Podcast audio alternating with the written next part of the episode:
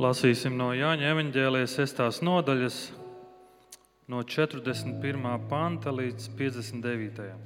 Tie būs mūsu šodienas panti, par ko mēs domāsim. Jāņa 6, 41 līdz 59. Bet jūdi sāka kurnēt par viņu, jo viņš bija teicis: Es esmu maize, kas nākusi no debesīm. Un viņi sacīja, vai šis nav Jēzus, Jāzepa dēls, kura tēvu un māti mēs pazīstam? Kā tad viņš saka, es esmu nācis no debesīm? Jēzus viņiem atbildēja: Nekurniet savā starpā. Neviens nevar nākt pie manis, ja tēvs, kas mani sūtīs, to nevelk, un es to augšām celšu pastarā dienā. Praviešos ir rakstīts, un visi būs dieva mācīti. Ik viens, kas ir no tēva dzirdējis un mācījies, nāk pie manis. Ne tā, ka tēvu kāds būtu redzējis, viens, vien tas, kas ir no dieva, tas ir redzējis tēvu. Patiesi, patiesi es jums saku, kas tic, tam ir mūžīgā dzīvība. Es esmu dzīvības maize. Jūsu tēvi ir ēduši manu tuksnesi un ir miruši. Maize, kas nākusi no debesīm, ir tāda, ka tas, kas to ēd, nemirst. Es esmu dzīvā maize, kas nākusi no debesīm.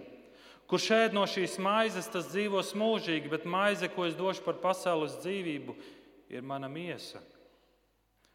Tad jūdi sāka savā starpā strīdēties, kā viņš var dot mums ēst savu miesu. Jēzus viņam sacīja: Patiesi, patiesi es jums saku, ja jūs nēdat cilvēka dēla miesu un nedzerat viņa asinis, jums nav dzīvības sevī. Kas manu miesu ēd un manas asinis dzer, tam ir mūžīgā dzīvība, un es to augšām celšu pastarā dienā.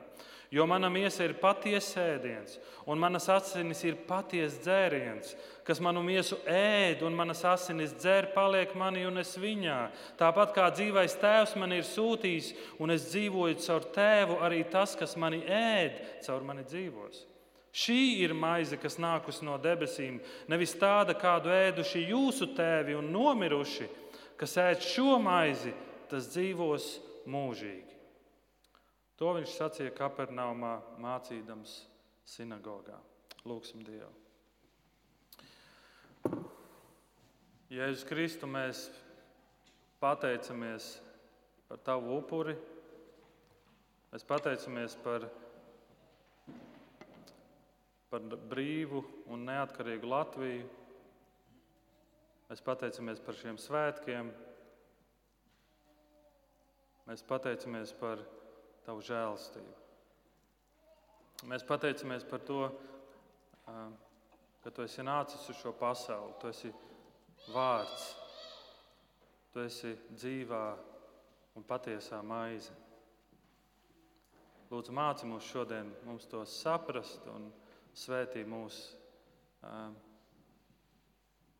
un palīdz mums ēst. Palīdz mums ēst šo maizi. Tavā vārdā. Amen. Lūdzu, sēdieties!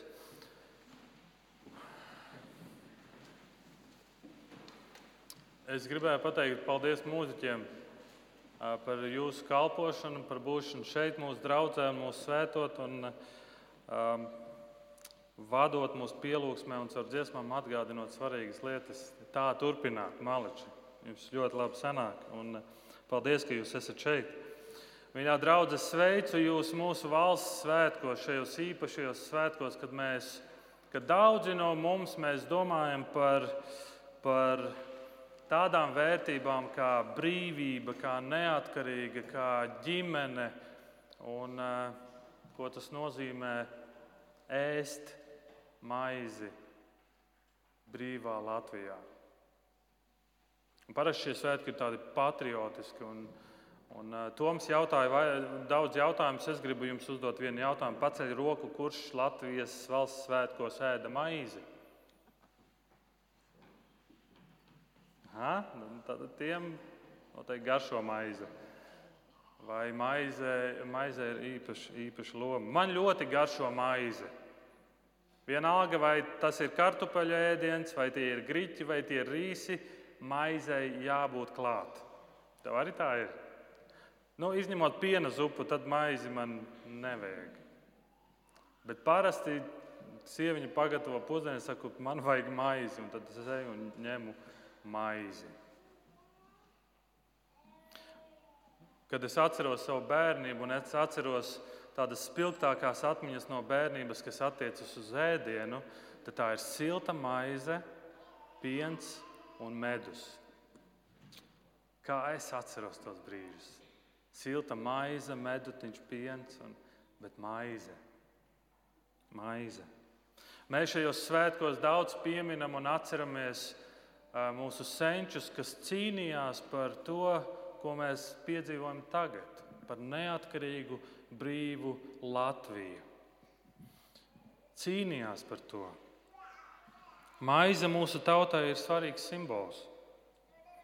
Tā ir svarīga latviešu materiālās un kultūras daļa. Tā saistās ar mūsu identitāti. Gadsimtiem ilgi rudzu maize latvietim ir bijusi dienasčā maize. Maize mums simbolizē mājas. Parasti, kad Latvijas dodas kaut kur prom, ilglaicīgi viena no lietām, ko Latvijas ilgojas atgriežoties, ir, es gribu pagaršot šo rupmaizi, kā viņa garšo. Maize. Mūsu tautā, mūsu tautas dzējās un literārajos darbos maize ir iekļauta. Tā ir bagātības simbols, tā ir brīvības simbols maize. Vai tu kādreiz esi aizdomājies, kas ir maizes ceļš līdz mūsu galdam? Es domāju, kā maize nokļūst līdz mūsu galdam. Tas viss sākas ar to, ka sējais sagatavo zemi. Un pēc tam sējais sēja sēklu. Pēc tam zeme tiek uh, uzturēta, lai varētu lakt, eh, augt labības lauks, un labība sāk augt. Un, un tiek rūpē, un eh, sējais un zemnieks rūpēs par šo labību. Viņš skatās, vai tur nav pārāk daudz eh, nezāļu. Pienāk rudens un vārpas, kad jau ir nogatavojušās, tās tiek nopļautas un tās tiek vestas uz klēti. No klēts graudi tiek tiek vesti uz dzirnavām, bet klētī vēl ir darbs, kā attīra eh, graudus no, no, no nezālēm. Pēc tam no klēts graudi tiek vesti uz dzirnavām, un graudi tiek malti miltos, un pēc tam milti tiek atkal mīcīti un gatavi ar rokām. Un gatavinā šī mīkla tiek gatavota cepšanai, tad maize tiek ievietota cepeškrāsnī un cepta. Un pēc tam vēl viss garais ceļš līdz veikala plauktiem. Tu, un tu paskaties, tas ceļš maizei līdz mūsu galdam ir tik tāls. Diezgan garš ceļš, vai ne? Jūs kāds esat mēģinājis maizi cept? Cik dienas paiet līdz tu gatavo mīklu? Nu, varētu būt, es jau nopērku gatavo mīklu, iejaucu un, un lieku cepties. Un tad, kad mēs skatāmies uz šo ceļu, jautājums, vai mēs novērtējam maizi? Vai mēs to novērtējam? Tad, kad es biju mazs un kad es augu, māja, man mamma mācīja tā. Un, un vienalga, vai kāds varētu teikt, tā ir mānticība vai kas, bet mamma man mācīja tā, ja maizes šķēle nokrīt uz zemes, Un kad es, tad es viņu paceļu un es viņu nobučoju. Tā man mācīja par maizi, ka tu pacēl maizi, tu nobučo, un tā tu, tā tu tikai viņu ēd. Maizei bija, bija, bija liela vērtība. Maizei bija liela vērtība. Bībele mums māca par kādu citu sējēju, kurš arī iziet sēt. Bet tā sēkla, ko viņš sēž, tā ir no debesīm. Šī sēkla aug par skaistu un stāvu vārpu. Tā tiek kopta un lolota līdz brīdim, kad pienāk pļaujas laiks, un šī vārpa tiek mīcīta, veidota par maizi. Šī ir īpaša maize, maize no debesīm. Šīs maizes recepte nebija zināma visiem, bet tikai īpašai tautai tā tika atklāta. Tauta, kas sevi varēja saukt par privileģētu tautu. Un Jāņa evanģēlijas sestā nodaļa, kur mēs šobrīd atrodamies un kam mēs ejam cauri, mēs redzam, nepārtraukti autors runā par maizi. Jēzus saka, es esmu īstā maize, es esmu dzīvības maize, es esmu maize. Atcerieties pagājušo svētdienu, atcerieties pagājušās svētdienas svētdienas tēmu. Tēma bija apēst Dievu. Un eh, pēc tam ar cilvēkiem, ar kādiem cilvēkiem parunājot, es redzu, ka kādi bija mazliet sašūmējušies, kādi bija mazliet pārsteigti, kā tādu nosaukumu svētdienas tēmai var dot. Sestā nodaļa ir ļoti izaicinoša nodaļa, un līdz ar to tas, ka tu esi mazliet pārsteigts, tas ir ok. Tu nebija vienīgais pārsteigts par Jēzus vārdiem. Šī nodaļa sākas ar brīnumu. Jēzus pabaro aptuveni ap 20 tūkstošu cilvēku. Viņš pabaro ar piecām zivīm un divām maizēm. Pēc tam seko vēl viens brīnums. Jēzus staigā pa jūras virsmu. Un pēc tam, kad visi ļaudis uzzina, ka Jēzus ir pārcēlies uz otru krastu, viņi ar laivām dodas līdzi. Un, kad viņi dodas ar laivām līdzi, viņi tiek mācīti. Nē, viņus nemāca Jordāns Petersons. Viņus māca pats Jēzus. Pats Jēzus māca šos ļaudis. Jēzus atklāja viņu motīvus, kāpēc viņi Jēzu meklē, un Jēzus saka šos vārdus: Es esmu dzīvības maize. Jēzus saka, es esmu maize no debesīm. Un Jēzus cer, ka ļaudis to spēs ieraudzīt un saprast, piedzīvojot to brīnumu, kad 5000, kad 20 tūkstoši tiek pārēdināti. Un šodienas panti atklāja kādu citu sarunu. Un tā vien šķiet, kad Jēzus runā ar ļaudīm, tad 59. pants mums saka, to viņš sacīja Kapernaumā mācīdams sinagogā. Tad Pagājušajā reizē Jēzus runā ar ļaudīm, kas ir pārcēlušies. Un tagad Jēzus ir iegājis sinagogā mācīt, un viņam turpinās saruna. Šoreiz ir saruna ar teologiem, ar jūdiem, ar jūdu eliti, ar tādiem, kas zina rakstus. Un, un Jēzum šī saruna turpinās. Un 41. un 42. pants, ko mēs lasām. Bet jūdi sāka kurnēt par viņu, jo viņš bija teicis, es esmu maize, kas nākusi no debesīm. Un viņi sacīja, vai šis nav Jēzus, Jāzepa dēls, kura tēvu un māti mēs pazīstam? Kā tad viņš saka, es esmu nācis no debesīm? Vai šo mēs kaut kur jau neesam dzirdējuši? Jūs dzirdējāt, ko lasīja Toms sākumā, 78. psalmā? Šis stāsts par Dieva tautu kā Dievs viņus izved no Ēģiptes. Viņi ir tuksnesī, un tuksnesī viņiem nav ko ēst. Un ko tauta dara? Viņi kurn, un ko Dievs dara? Viņš par viņiem parūpējas, un viņiem tiek dota maize no debesīm. Viņš lika līdzi pār tiem mannai, ko ēst, un debesu labību deva. Cilvēks ēda maizi, ko tik varēja ēst, viņš barību sūtīja tiem pa pilnam. Un 32. pāns 78. psalmā saka, vienalga tie grēkoja vēl, tie nenoticēja viņa brīnumiem.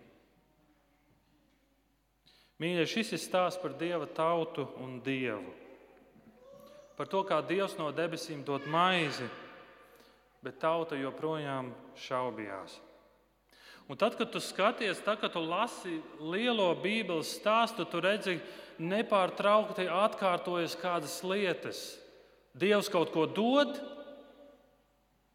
cilvēks kaut kā reaģē, un tad Dievs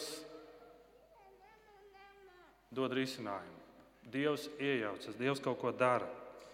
Un sakarā ar to, ka mēs, mēs svinam Latvijas svētkus, es gribu domāt par šīm trīs zvaigznēm. Es gribu domāt par trīs zvaigznēm, un no šiem pantiem es gribu domāt par trīs lietām. Par nepateicību, kas ir tā reakcija. Un tad par tādu lietu kā vilkšanu. Jūs esat vilkuši kaut ko, tad domāsim par vilkšanu. Un trešā lieta par ēšanu. Šajā svētku, Latvijas svētku noskaņojumā domāsim par šīm trīs lietām. Un pirmā lieta - nērta lieta, bet tā ir nepateicība. Dievs savai tautai dod maizi, bet tauta kurnēja. Kā tajā dziesmā, varbūt esat dzirdējuši tādu dziesmu, un tad parasti, kad to dziesmu dzied, viņa izklausās diezgan smieklīgi. Ja? Kur nu tie pirmdien, otrdien, trešdien, kur nu tie ceturtdien, piekdien, sestdien, svētdien, kur nu tie katru dienu. Un tad, kad parasti šo dziesmu dziedu, tad smieklīgs uznāk. Kurnēšana ir viens no grēkiem, ko mēs visvieglāk attaisnojam.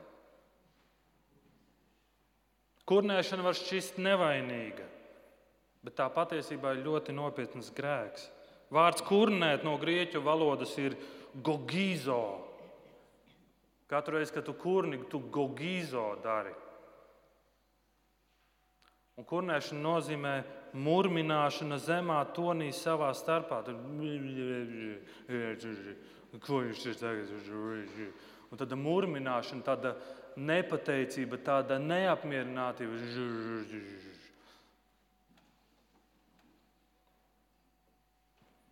Tā ir neapmierināta sūdzēšanās.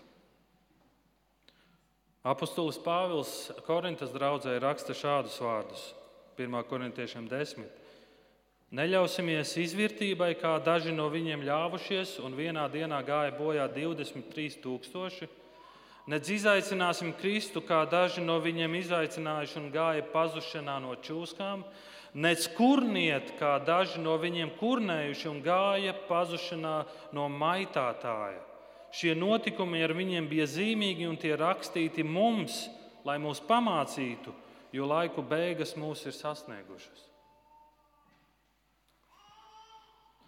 Kad Pāvils raksta draudzē, viņš saka, ka kurnēšana ir pielīdzināma izvērtībai un Kristus izaicināšanai.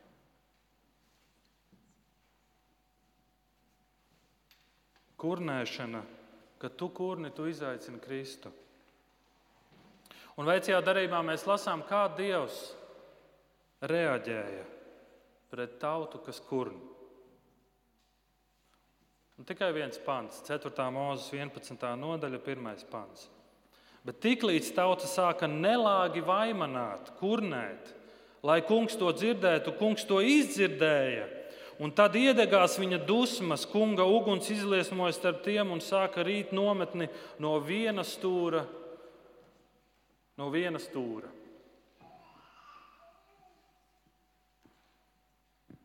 Kurnēšana parasti rodas, kad manas vajadzības netiek apmierinātas. Dažreiz tās ir nesaskaņas draudzē, vadītāju starpā. Tā varētu būt sajūta, ka baznīcā man neviens neievēro. Arī tad to var sākt kurnēt. Vai tu vēlies kaut ko ātri un uzreiz, bet Dievs tev to nedod? Vai nav tā, ka mēs bieži vien kurnam? Mēs sūdzamies.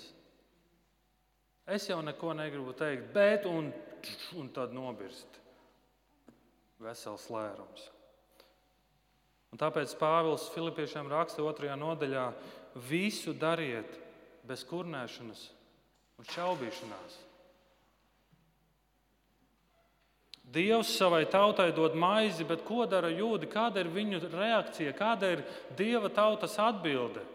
Kurnēšana. Tie jūdi, vai ne? Ak, tā jūdu tauta mēs varētu teikt.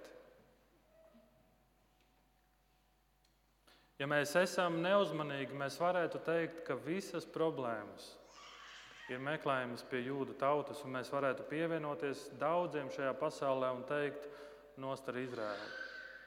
Bet vai tikai jūdos ir problēma? Kā ir ar mums pašiem? Kaut ar pastāvām, bet brīvā Latvijā. Atcerieties šos lozungus. Kaut ar pastāvām, bet brīvā Latvijā. Un tad nepaiet ilgs laiks, mēs esam aizmirsuši šos lozungus. Mēs kā latviešu tauta, un ko mēs darām? Mēs kurnam. Mums nav labi. Mēs esam neapmierināti. Un bieži vien tu dzirdi, pat no latviešiem, tu dzirdi, jā, tur tajā krievu laikā tur bija labāk, un bija tas, un bija tas, un bija tas, un bija tas. Mēs kurnam. Mēs nenovērtējam, kas mums ir dots, ko Dievs mums ir patiesībā dāvājis. Vai tu atceries Covid vētru, Covid viļņus? Es atceros, kad es runāju ar draugu locekļiem, ko daudzi no jūs, jums teicāt, kā es ilgojos pēc tā brīža, kad mēs visi kopā varam nākt un dziedāt Dievam slavas dziesmas. Kā es ilgojos pēc tā brīža, kad mēs varam nākt kopā un lasīt Bībeli. Kā es ilgojos pēc tā brīža, kad mēs varam nākt kopā, būt sadraudzībā, ēst maizi kopā. Jūs atceraties tos brīžus? Un paiet Covid laiks, un kas notiek, ko mēs redzam, ah, šodien, pš, šodien svētdiena, varētu kādu seriālu paskatīties. Ah, dievkalpojums, nu, to es online paskatīšos. Vai nav tā, ka mēs to esam aizmirsuši, tās vērtības, tas, ko Dievs mums dod, un mēs kurnam?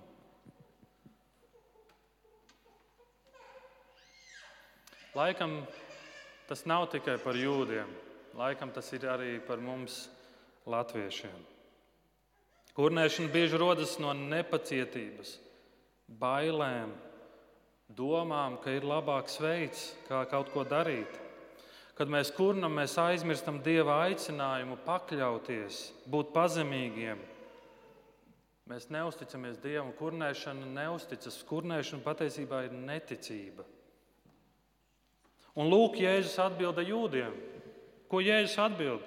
Jāņa 6. nodaļa, 43. pāns, ko Jēzus atbild? Jēzus viņiem atbildēja: Nekurniet savā starpā, beidziet murmināt. Beidziet murmināt, beidziet kurnēt. Pārstāj, pārstāj sūdzēties. Apzinies, cik tas ir nopietni. Vīlāns draudzene beidz kurnēt, beidz sūdzēties. Pārstāj.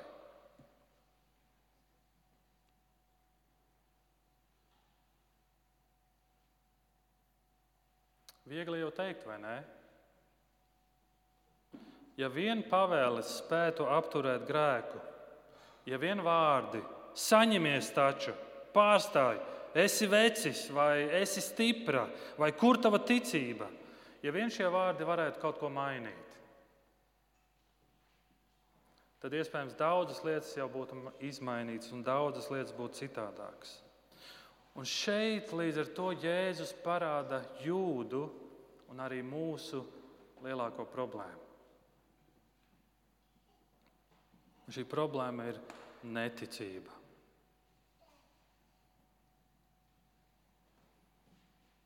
Šo neticību nevar izārstēt vienkārši sakot, kur ir tava ticība. Pārstāj. Tāpat kā cilvēkam, kuram ir depresija, nevar izārstēt vienkārši sakot, saņemies, būs jau labi, kur ir tava ticība. Un tāpēc Jēzus saka, ka nekurniet savā starpā, un viņš turpina, un viņš dod, viņš parāda mūsu problēmu, bet tāpat laikā risinājumu. 44. pants. Neviens nevar nākt pie manis, ja tēvs, kas mani sūtīs, to nevelk, un es to augšām celšu pastarā dienā. Neviens nevar nākt pie manis, Jēzus saka, ja tēvs viņu nevelk. Pagājušajā reizē mēs domājam par līdzīgu domu, par ja tēvs nedod, par došanu.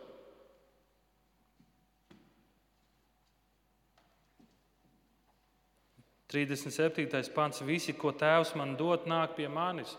Un šeit Jēzus saka, neviens nevar nākt pie manis, ja tēvs, kas mani sūtīs, nevelk. Neviens. Un tā ir liela problēma. Pagājušā nedēļā man sanāca kāda saruna ar, ar kādu jaunu, jaunu džeku. Mēs kopā, mēs kopā nākam un, un lasam, lasam Bībeli. Un, eh, un viņš man jautā tādu jautājumu, viņš saka, Raimond, eh, kāpēc tik daudzi cilvēki netic evaņģēliem? Iedomājieties, pie tevis pienāk cilvēks un jautā, kāpēc tik daudz cilvēku netic evaņģēliem? Ko tu atbildētu?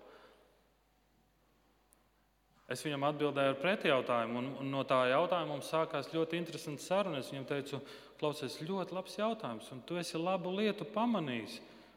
Bet kā tu teiktu, kas ir evaņģēlijs? Un tāda mums ļoti interesanta saruna sākās par to, vispār, kas ir evaņģēlijs un kāpēc cilvēki tam netic un kāpēc cilvēki nepiekrīt. Kāpēc tik daudzi netic? Kāpēc tik daudzi jūdi un latvieši netic? Vai tu esi pamanījis pie sevis šaubas, apšaubīšanu. Un tāpēc Jēzus šajā pantā parāda risinājumu, lai mūsu kurnēšana un neticība tiktu pārveidota ticībā un pateicībā, ir nepieciešama dievišķa iejaukšanās. Ir nepieciešama dievišķa iejaukšanās. Jēzus saka, neviens nespēja nākt pie Jēzus, pie manis, ja Tēvs dievišķā veidā neiejaucas mūsu dzīvēs, ne tava reliģija, ne tavi darbi, ne tavi nopelni, ne tava ģimene. Dievam ir jāiejaucas, Dievam ir kaut kas jādara, un tad viņš, ja viņš dara, tad cilvēks nāk pie Jēzus. Šis vārdiņš vilkt nozīmē kā akmeni izcelt no upes, kā zivi izvilkt, kas ir ieķērusies tīklā vilkt, vilkt. Vai tās nav labās ziņas, ka Dievs mani negribīgo, spītīgo un nepakļāvīgo cilvēku velk pie sevis?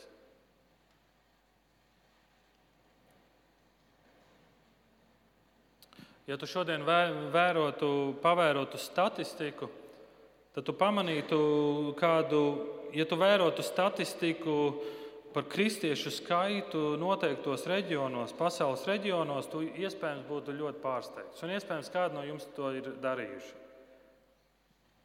Eiropā un Rietumu attīstītajos reģionos kristiešu skaits strauji sarūk. Ir kāds no jums pētījis? Un tu redzi, tas skaitlis vienkārši ar gadiem iet uz leju, uz leju, uz leju un sarūk. Eiropa, Rietumu rietumvalstis. Tā vien šķiet, ka cilvēki vienkārši nonāk pie secinājuma, ka Dievs mums vairāk nav vajadzīgs. Un tad tu skaties Ķīna, tu skaties Āfrika, tu skaties Dienvidamerika. Kristiešu skaits strauji pieaug. Ķīnā strauji pieaug kristiešu skaits. Āfrikā, Dienvidamerikā. Un kādi varētu teikt, vēl, bet zini, ko apsies, cik Ķīnā ir daudz nabagi cilvēki, cik daudz nabago. Tāpēc cilvēki nāk pie Jēzus. Āfrikā, paskatieties, Āfrikā izglītības līmenis vispār ir zem nulles. Tāpēc cilvēki nāk pie Kristus, tāpēc cilvēki pievienojas kristietībai. Apskaties, Dienvidamerika cilvēki ir apspiesti, tāpēc viņi noteikti nāk pie Kristus.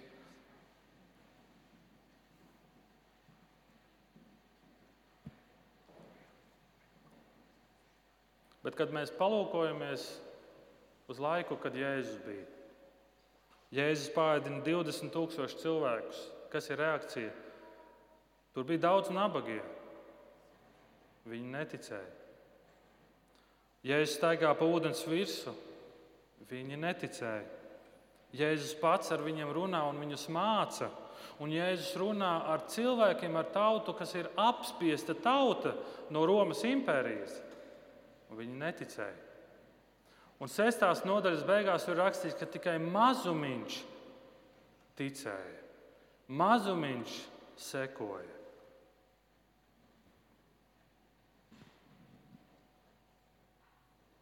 Ja Dievs neiejaucas cilvēka dzīvē ar savu dievišķo atklāsmi, cilvēks nespēja nākt pie Jēzus. Un tāpēc Jēzus saka, praviešos ir rakstīts, un visi būs dieva mācīti. Ik viens, kas ir no tēva dzirdējis un mācījies, nāk pie manis. Jēzus citē šo lielo pravieti Jēzaju, un viņš saka, šis pravietis runāja, ka vienu dienu būs liela diena, kad Dievs iejauksies un izmainīs savas tautas likteni, un tajā dienā Dievs pats viņus mācīs. Un šeit mēs lasām par Jēzu.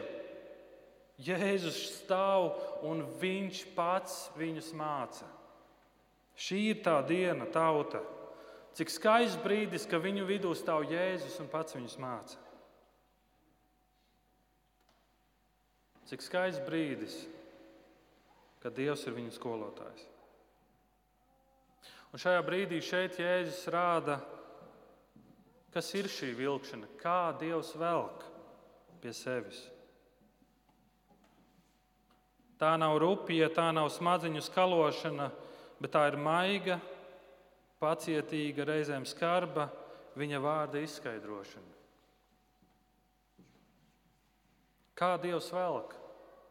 Kas ir šī vilkšana? Kad tu klausies uzmanīgi Jēzus vārdos, kad tu uzdod jautājumus, kad tu analizē, tu lūdz, tu meklē, tu pārdomā tos dienām un naktīm. Dieva svētais gars sāk to izgaismot ar vien vairāk tevī, un viņš ved tevi tuvāk Jēzum. Romiešiem 10, 17. Tāda ticība rodas no pasludinātās vēsts, bet vēsts no Kristus vārdiem.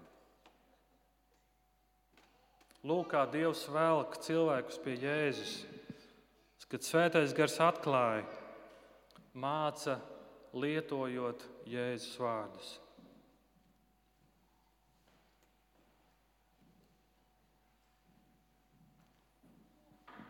Kad Dievs dod maizi savai tautai, tautas reakcija ir kurnēšana. Un tad mēs redzam, kas ir problēma, ko mēs paši nespējam, un kā Dievs šo problēmu risina.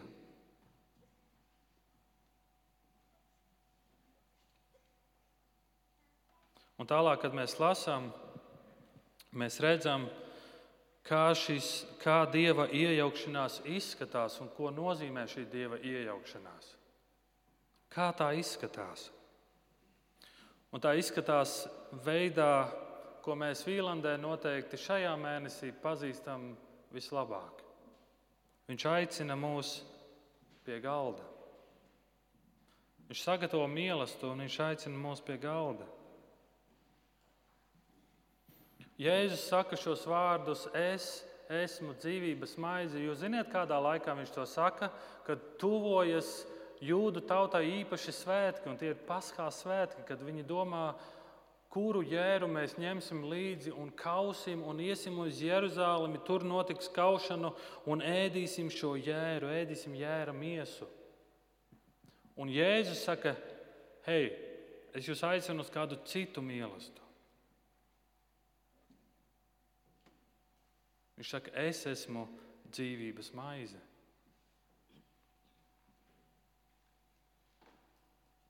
Četrdesmit astotais pāns, Jēzus saka, es esmu dzīvības maize.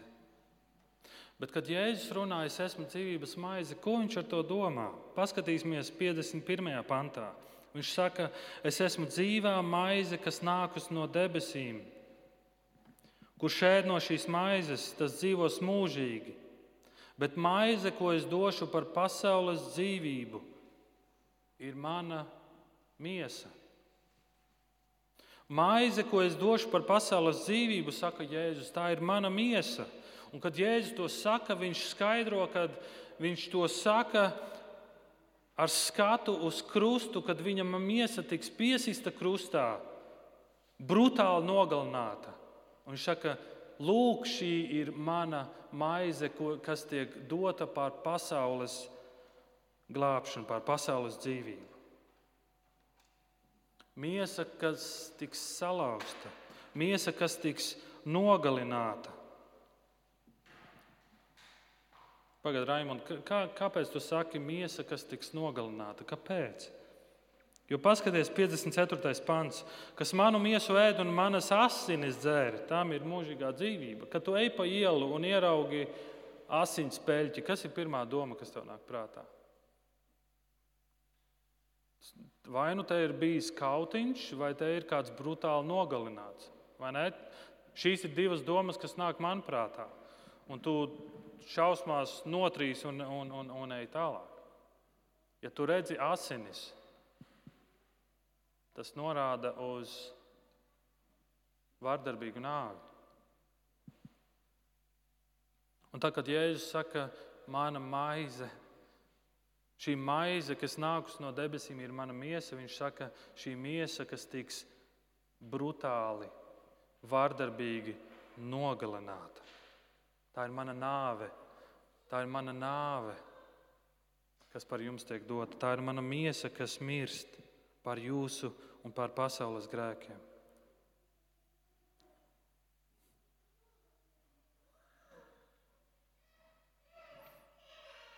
Bet šeit tas veids, kā Dievs iejaucas, Viņš sagatavo mīlestību, Viņš aicina uz mīlestību. Un šis aicinājums uz mīlestību vien nozīmē, ka Dievs vēlas attiecības ar mums. Un paskatieties šajā pašā 54. pantā. Viņš saka, kas manu miesu ēd un manas asinis dzer, tam ir mūžīgā dzīvība. Un šeit Dievs runā par šodienu. Šodien tev ir mūžīgā dzīvība. Un pēc tam viņš saka, un es to augšām celšu pastarā dienā. Tas ir apsolījums uz nākotni. Tas ir apsolījums nākotnē. Tās ir mūžīgas attiecības ar Dievu. Un tad, ja es turpinu, un viņš saka, jo mana miesa ir patiesa ēdiens, un manas asinis ir patiesa dzēriens. Ar to Jēzus pasaka, ka visas pārējās maizes nav patiesas. Šodien daudzi latvieši, vakardien daudz latviešu, kas ir gājuši pie brīvības pieminiekļa, kas ir pieminējuši un atcerējušies šo, šos īpašos svētkus, viņi atcerās, kā mēs ēdām maizi. Un toreiz latviešiem iespējams bija tikai viena veida maize. Kas ir šodien? Tu ienāc veikalā un tu domā, kāda veida maizi man izvēlēties, kādu maizi man ēst. Es varētu ar tādām sēkliņām, es varētu tur tādiem graudiem un, un, un, un, un tādā formā, un, un tik daudz maizes veidi. Un Jēzus šeit saka, ka Viņš ir patiesa ēdiens, Viņš ir patiesa dzēriens, Viņš ir vienīgais patiesais ēdiens, kas tev spēj dot dzīvību. Viņš ir patiesais ēdiens, kas spēj tev dot attiecības ar pašu Dievu. Neviena cita maize tev to nespēja dot. Citas maizes tev varētu palīdzēt piedzīvot nākamo dienu varētu dot īslaicīgu prieku, īslaicīgu izsalkumu. Bet Jēzus saka, es esmu patiesa. Materiālās lietas, kurām mēs šodien tik ļoti skrienam līdzi, tās nespēja dot dzīvi man un attiecības ar Dievu. Tas nespēja mani glābt no nāves. Tas nespēja izveidot attiecības ar Dievu. Es pirms divām nedēļām noskatījos kādu dokumentālo filmu. Esat redzējuši tādu filmu par Davidu Bekhemu. Varbūt zinat, ka Anglijas valsts, valsts izlases futbolists, un tā ir biogrāfija par viņa dzīvi. Un ļoti aizraujoša filma, interesanta biogrāfija. Un, un es skatos šo filmu, nezinu, tur nebija daudz sērijas, man liekas, cik daudzas lietas varētu mācīties no šī futbolista rakstura. Taču filmas beigās ir kadrs, kad Behems beidz savu futbolistu karjeru. Un viņš raud. Viņš raud. Un, un loģiski? Jo viņš tik ļoti mīl futbolu. Viņš tik ļoti mīl savu karjeru. Viņš raud. Viņš raud, jo profesionālā karjera beigusies. Raud, jo jūt, ka miesa vairs nespēja izturēt tādu slodzi. Un iespējams viņš raud par to, ka tas, kas dzīvē ir devis prieku un jēgu, mirst. Tam pienāk beigas. Pēc tam filmā rādīts, viņš sāk nodarboties ar biškopību un tā cenšas tādu mierīgu dzīvi dzīvot. Bet šī filma parāda, ka iekšēji ir tā neapmierinātība, kad viņš nav pāēdis. Un tāpēc viņš šo tukšumu mēģina aizpildīt, un tad viņš izveido jaunu futbola klubu. Un, un, un šī filma parāda, ka oh, nākotne turpinās un tā tālāk. Bet īstenībā šis cilvēks saprot, ka tur ir tukšums, kurš ir jāizpilda. Un tāpēc Jēzus saka, mana miesa ir patiesa sēdiens. Jēzus ir tā maize, kas spēj paņemt prom tavu vainas apziņu. Jēzus ir tā maize, kas spēj tev dot cerību un jēgu dzīvē šodien, dzīvību šodien. Un Jēzus ir vienīgā maize, kas tev apsola un dod apsolījumu nākotnē. Tas ir Jēzus.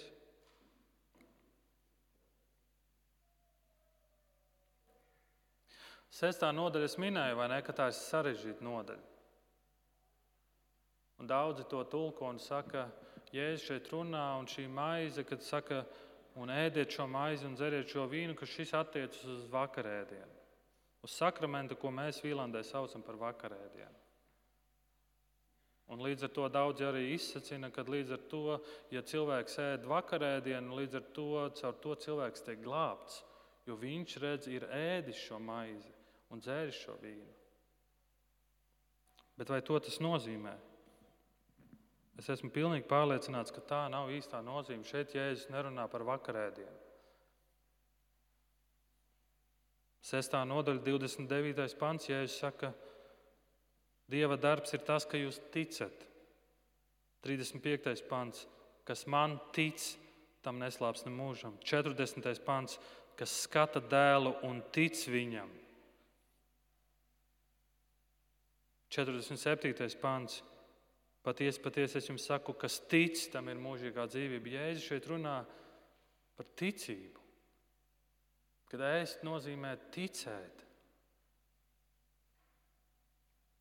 Un 63. pantā Jēzus, lai, lai izvairītos no nepareizas interpretācijas, saka šos vārdus: Gars dara dzīvu, miesa nelīdz nenieka. Vārdi, ko es jums runāju, ir gars un dzīvība. Gars Tie, kas pārprot Jēzu, bija aizvainoti par viņa runām, par miesas ēšanu. Jūdi bija šokā, kā tu vari teikt, ēst savu miesu, uz ko tu mūs te aicini, uz kanibālismu. Kad es augu mazajā viesītas pilsētā, par baptistiem tā arī runāja. Kanibāli, viņi tur baznīcā asinis dzer. Tajā laikā tā runāja par baptistiem. Bet Jēzus šeit nerunā par kanibālismu. Un šeit viņš nerunā par vakarēdienu. Jūdiem interesēja tikai vēl viena fiziskā maltīte. Dievs, vai tu man varētu dot vēl vienu fizisko maltīti? Dievs, man vajag vēl šo lietu, vēl šo lietu. Dievs, tas ir tas, kas jūdiem interesē, ko viņam vajadzēja. Bet Jēzus saka, es gribu, lai jūs ieraugat šo garīgo dimensiju, ko patiesībā jums vajag un ko patiesībā Tēvs jums dod. Un tikai tāpēc, ka viņi nespēja pāriet no fiziskās dimensijas uz garīgo, ļoti daudzi cilvēki aiziet no Jēzus projām. Jēzus šeit runā par ticību, par pilnīgu ticību, par, kad mēs pieņemam visu Jēzu, ne, tikai daļēji Jēzu. Ne tikai to, kas man interesē, to, kas man patīk, to es pieņemšu. Pārējais, kas man interesē, to es, kas man nepatīk, to es ignorēšu. Kāpēc Jēzus nevar izteikties citos vārdos? Kāpēc Jēzus nevar izteikt, izteikties maigāk savos izteikumos? Jo Jēzus nemeklē sekotājus, kas seko pa pusē vai daļēji. Jēzus meklē tādus, kas seko viņam pilnībā, kas tic viņam pilnībā. Nē, esi karsts, nē, esi augsts. Esi vai nu karsts, vai esi augsts, saka Dieva vārds, jo remdenos viņš izpļaus. Jo remdenos viņš izpļaus. Lūk, draudzē, mūsu garīgā diēta, ja tu vēlies iegūt mūžīgo dzīvību, nāc, uzticies un ēd. Un ēd. Toms jau teica, ka Vīlandē šajā mēnesī mums ir tāds izaicinājums. Kāds šis izaicinājums saucās? Iepazīst Vīlandes ģimeni, arī mēs ar sieviņu esam uzaicinājuši pie mums šodien viesinājums. Juhu! Un iedomājieties situāciju, mēs uzaicinām viesus, mēs uzklājam galdu, un atnāk viesi pie galda un atbrauc pie mums un skatās uz galdu un saka, cik skaisti uzklāts galds. Cik skaists tas, tas ēdiens, vai kā smaržo maize, vai, vai tas tur izskatās skaisti un tā tālāk. Bet viņi neko no tā nēstu. Kā tu justos? Es domāju pie sevis, varbūt kaut kas no tā viņiem negaršo, varbūt tur ir alerģijas, varbūt tur ir nu, viss kaut kas. Bet, ja tu uzaicini viesus pie sevis un tu uzklāji galdu un viesi nēdi, Tas ir kaut kas jocīgs. Kaut kas, kaut kas nav ok, kaut kas, kaut kas ir noticis. Kaut ko neesam sapratuši. Varbūt es neesmu pateicis, starp citu, šis ir ēšanai. Varbūt to es aizmirsu pateikt. Bet paklausieties, ko saka Jēzus. Kas manu miesu ēd un manas asinis dzer, paliek manī un es viņā. Tāpat kā dzīvais tēvs man ir sūtījis, un es dzīvoju caur tevi, arī tas, kas mani ēd, caur mani dzīvos. Ieraugot uz šķīvja maizes klaipu, mēs neapmierinam izsalkumu. Zinot par maizes sastāvdaļām, mēs neapmierinam savu izsalkumu. Maizes fotografēšana neapmierina mūsu izsalkumu. Kad mēs stāstam par maizi citiem, tā neapmierina mūsu izsalkumu. Kad mēs pārdodam to, tā arī neapmierina mūsu izsaukumu. Kad mēs spēlējamies ar maizi, tā neapmierina manu izsaukumu.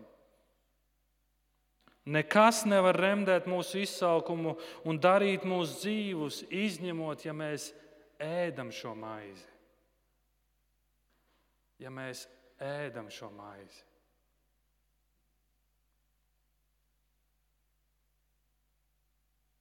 Un tāpēc jautājums tev šodien kad tu dzirdi šos vārdus, un Jēzus saka, es esmu tā dzīvības maize.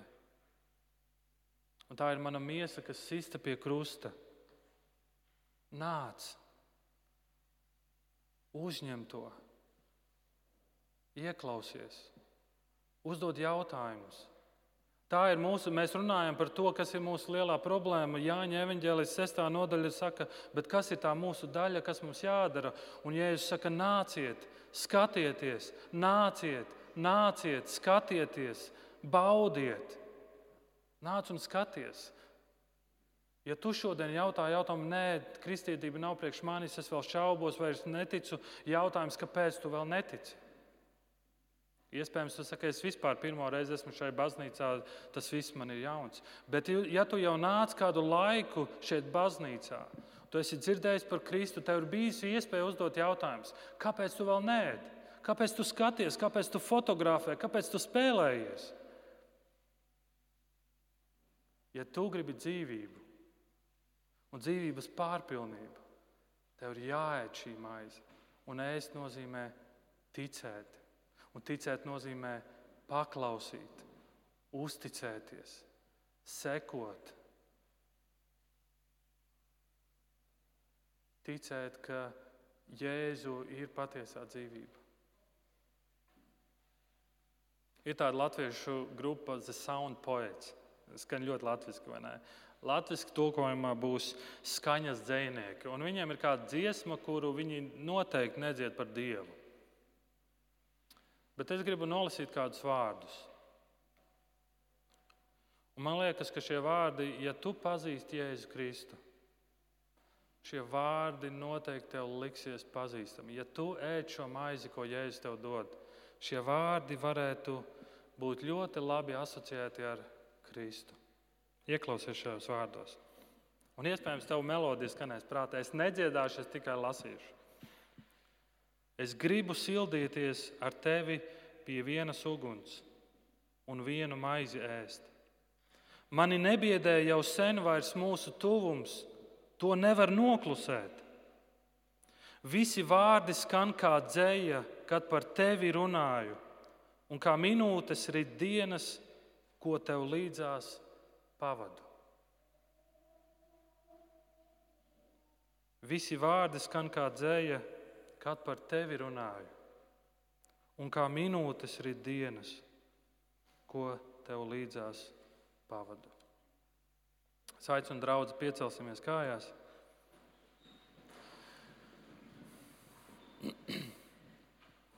Un es aicinu, ka šajā brīdī mēs varam Dievu lūgt. Svētdienas nobeigums parasti ir labs, piemērots brīdis tam, vai ne? Bet mēs varētu aizvērt acis un e, lūgt Dievu, kā, kā Jēzus mācīja savus mācekļus lūgt. Mūsu Tēvs debesīs, svētīts lai top tavs vārds, lai nāk tava valstība Tavs prāts, lai notiek kā debesīs, tā arī virs zemes. Mūsu dienascho maizi dod mums šodien, un piedod mums mūsu parādus, kā arī mēs piedodam saviem parādniekiem. Un neieved mūsu kārdināšanā, bet atpestī mūs no ļauna. Jo tev pieder valstība, un spēks un gods mūžīgi mūžos. Āmen!